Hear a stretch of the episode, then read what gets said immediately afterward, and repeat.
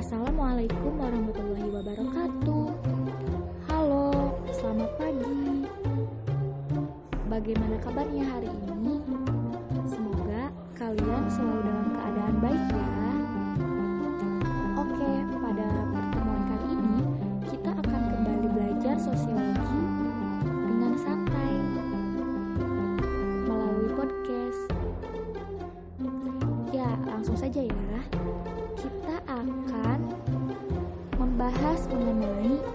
rancangan penelitian. Apa sih rancangan penelitian itu? Nah, rancangan penelitian ini merupakan kerangka atau sketsa yang didesain oleh peneliti sebagai rencana penelitian atau research plan. Dalam arti sempit, Rancangan penelitian meliputi proses pengumpulan dan analisis data, sedangkan dalam arti luas proses penelitian dari perencanaan sampai dengan pelaporan. Umumnya, rancangan penelitian ini terdiri dari delapan bagian besar, yaitu ada latar belakang masalah, perumusan masalah, pertanyaan penelitian, tujuan dan manfaat, penelitian terdahulu, landasan teori, hipotesis, dan metodologi penelitian. Nah, baik, akan bahas satu-satu dari delapan bagian besar tersebut. Yang pertama yang akan kita bahas yaitu mengenai penelitian terdahulu. Pada saat kita melakukan penelitian, kita sebagai peneliti harus mencantumkan penelitian-penelitian sebelumnya atau penelitian terdahulu. Nah, penelitian terdahulu ini merupakan penelitian yang sudah dilakukan oleh orang-orang sebelumnya. Nah, kita bisa akses melalui jurnal internasional, jurnal nasional, skripsi, karya tulis ilmiah, dan lain sebagainya. Jika kita mencantumkan penelitian terdahulu, maka kita akan terhindar dari yang namanya duplikasi atau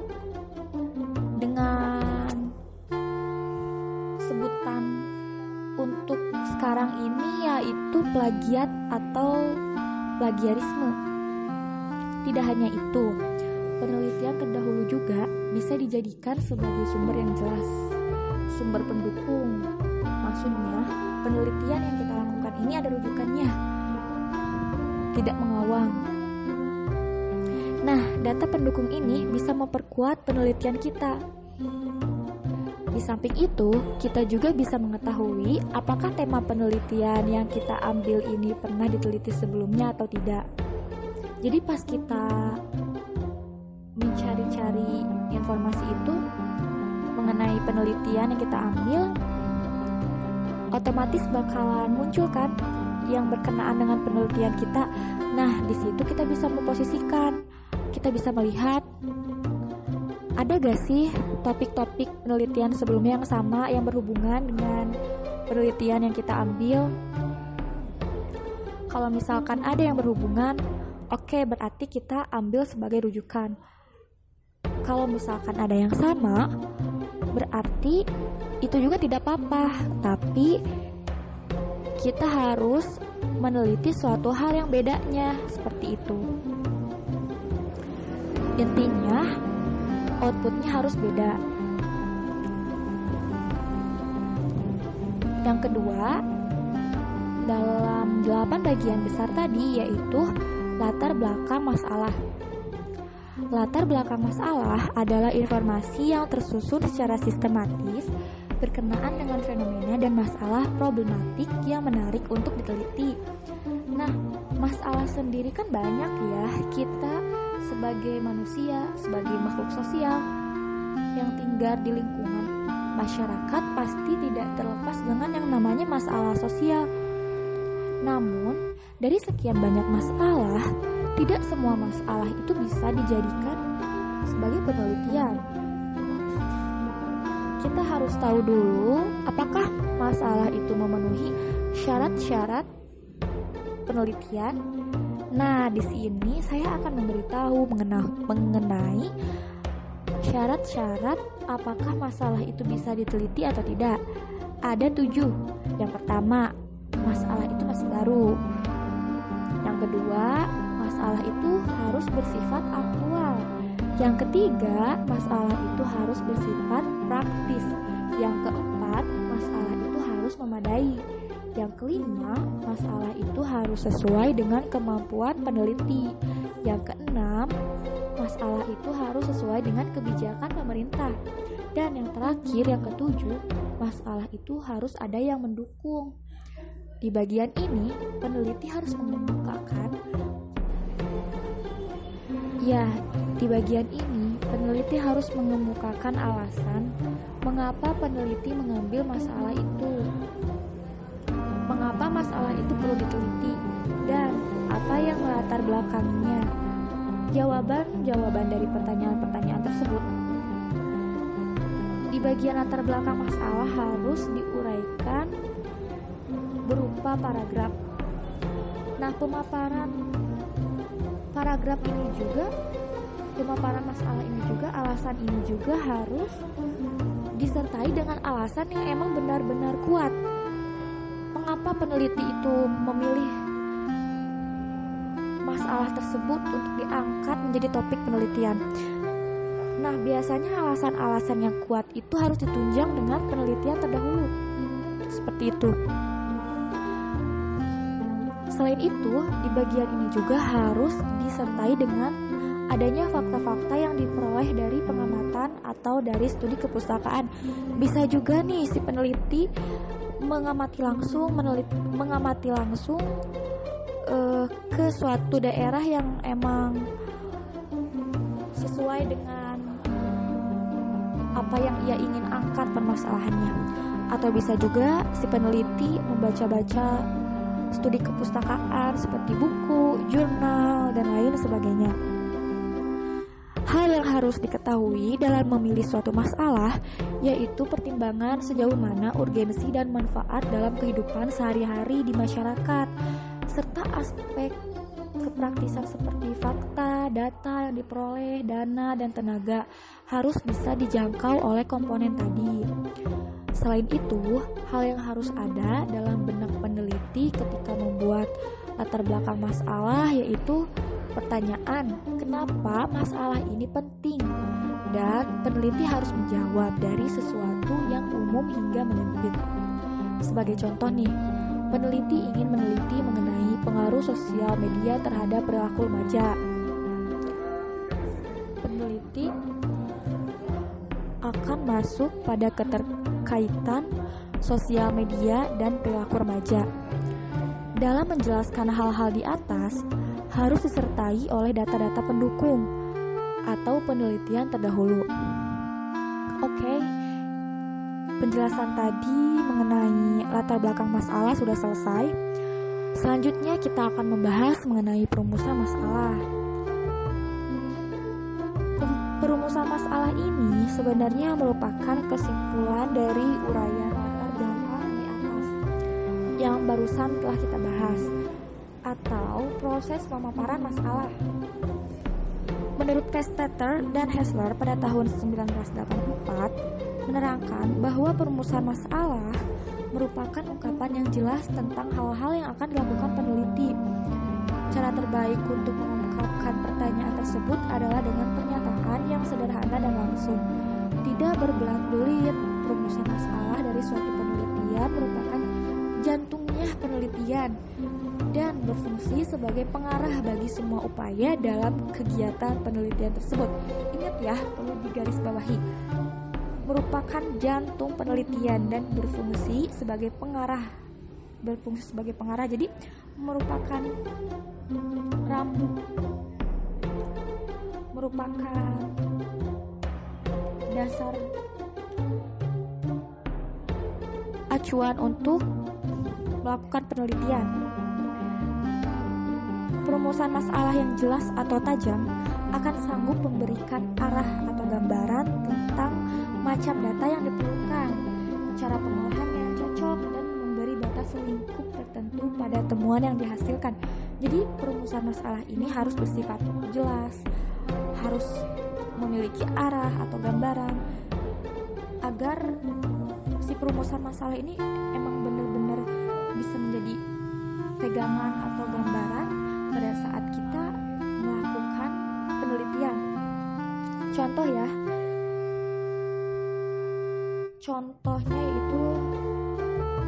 dari judul tadi pengaruh sosial media terhadap kena terhadap perilaku remaja.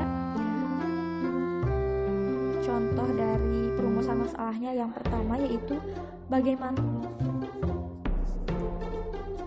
contohnya yaitu yang pertama adalah proses media sosial dapat mempengaruhi remaja.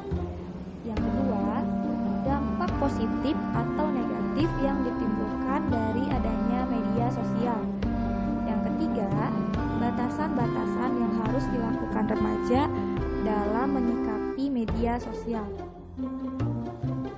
Oke, itu beberapa contoh-contoh dari perumusan masalah. Setelah kita membahas mengenai perumusan masalah, kita akan membahas mengenai pertanyaan penelitian. Nah, pertanyaan penelitian ini merupakan turunan dari perumusan masalah tadi.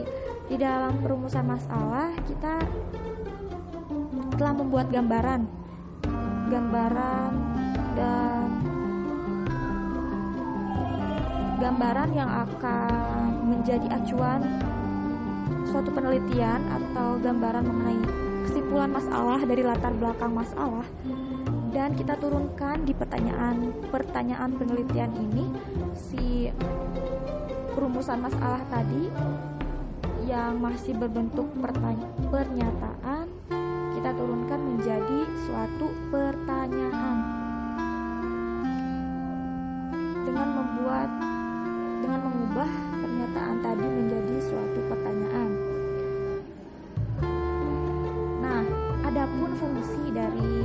Pembuatan pen pertanyaan penelitian ini apa sih? Kenapa harus membuat pertanyaan gitu? Nah, fungsinya itu yaitu untuk sebagai rambu-rambu agar si penelitian ini tuh menjadi fokus tidak melebar ke mana-mana makanya harus dibatasi dengan adanya suatu penelitian adanya suatu pertanyaan penelitian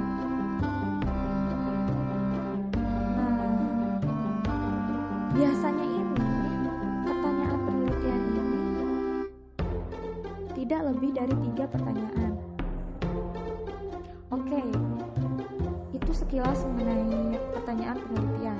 Selanjutnya kita akan membahas mengenai tujuan dan manfaat penelitian. Biasanya, kebanyakan peneliti menyatukan tujuan dan manfaat dalam bagian yang sama. Tujuan dan manfaat dan manfaat penelitian kayak gitu. Jadi tidak dipisah, tidak dipisah, tapi disatukan.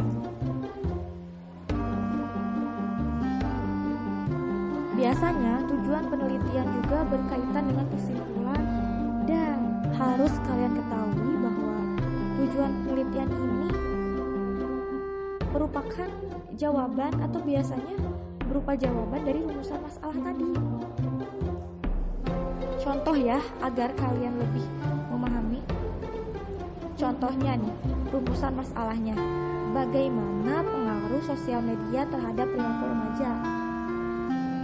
Tujuan penelitiannya yaitu untuk mengetahui pengaruh sosial media terhadap perilaku remaja. Nah, itu merupakan contoh dari tujuan penelitian. Sudah jelas ya? Dari contoh tersebut, kita bisa memahami korelasi atau hubungan antara rumusan masalah dengan tujuan penelitian. Selanjutnya kita akan membahas mengenai manfaat penelitian. Manfaat penelitian merupakan kegunaan nyata dari hasil yang akan dicapai melalui sebuah penelitian. Contohnya, dari judul penelitian di atas mengenai pengaruh sosial media terhadap perilaku remaja. Sebenarnya, manfaat itu Manfaat itu dibagi menjadi dua. Yang pertama yaitu manfaat praktis. Contohnya, untuk menambah pengetahuan dan pengalaman bagi peneliti dalam menerapkan pengetahuan terhadap masalah yang dihadapi secara nyata. Nah, jadi lebih ke praktis ya. Selanjutnya yaitu manfaat teoritis. Dapat menambah hasanah pengetahuan tentang pengaruh media sosial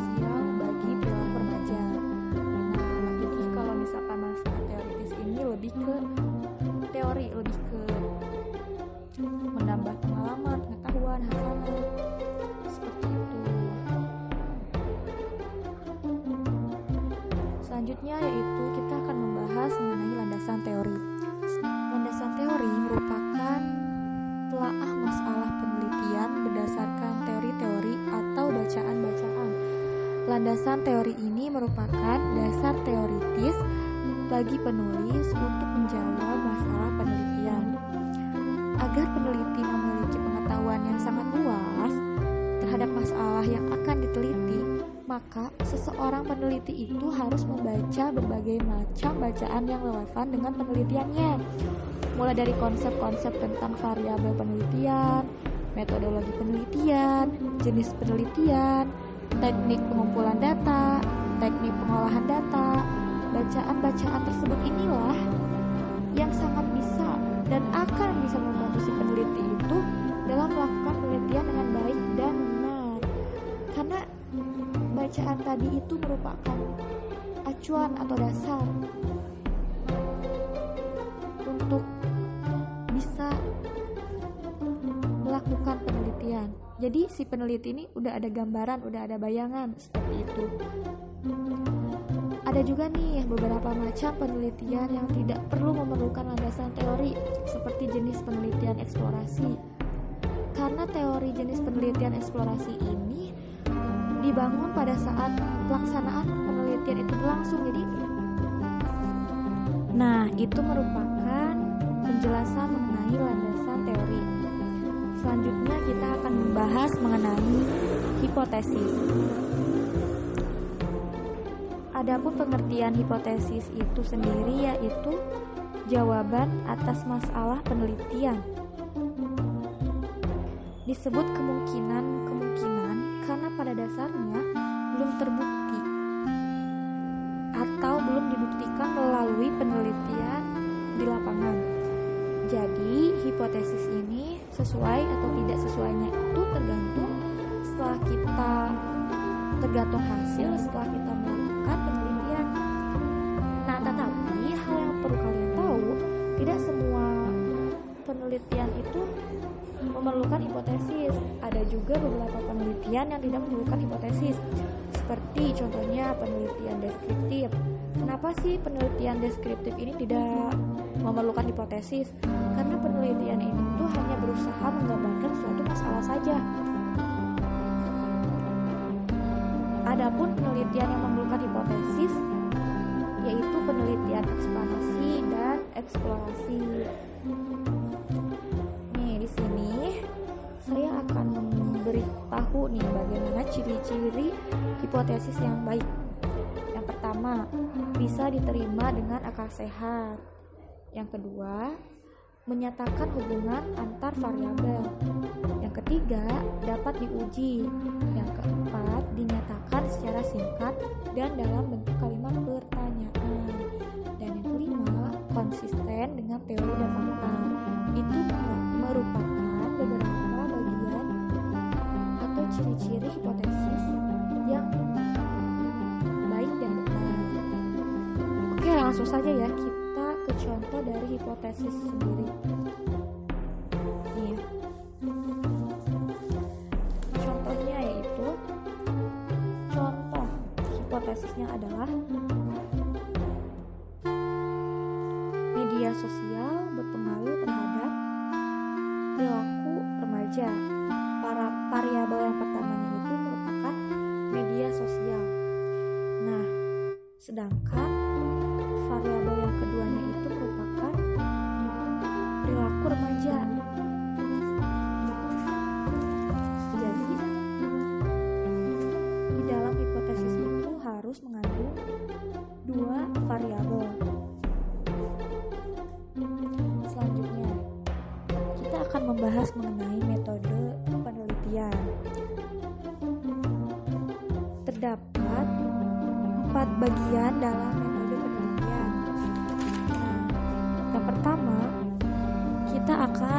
membahas mengenai jenis penelitian.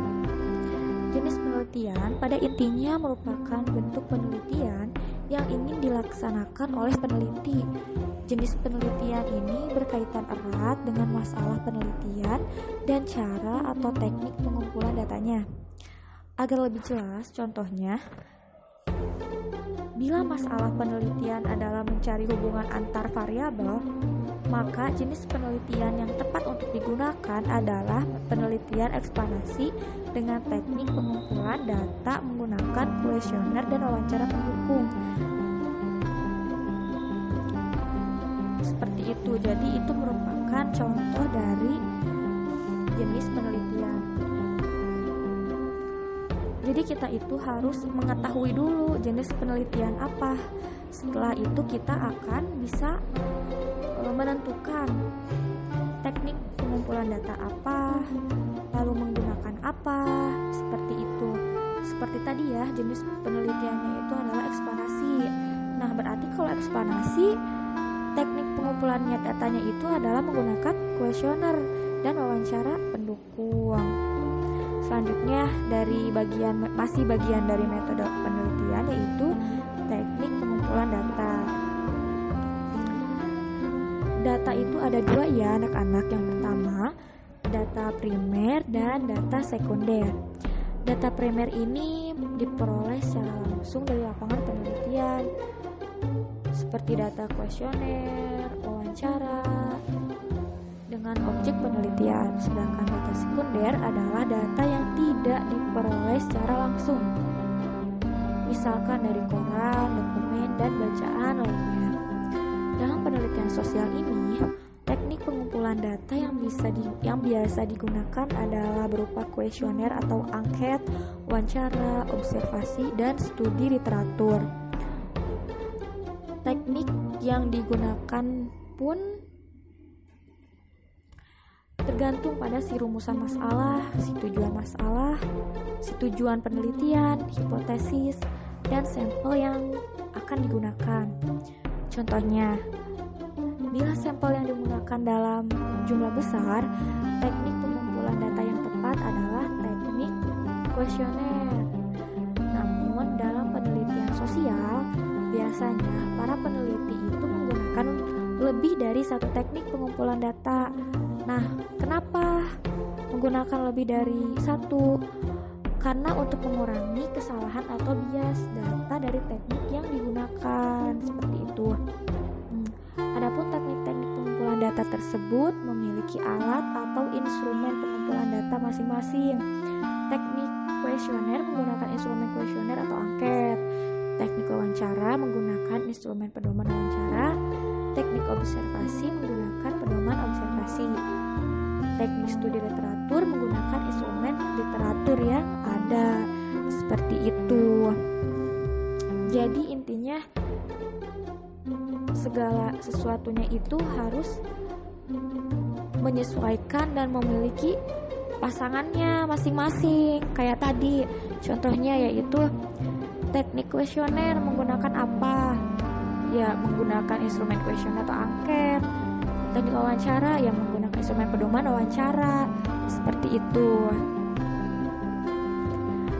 Nah, oke, okay, selanjutnya kita akan membahas mengenai teknik analisis data.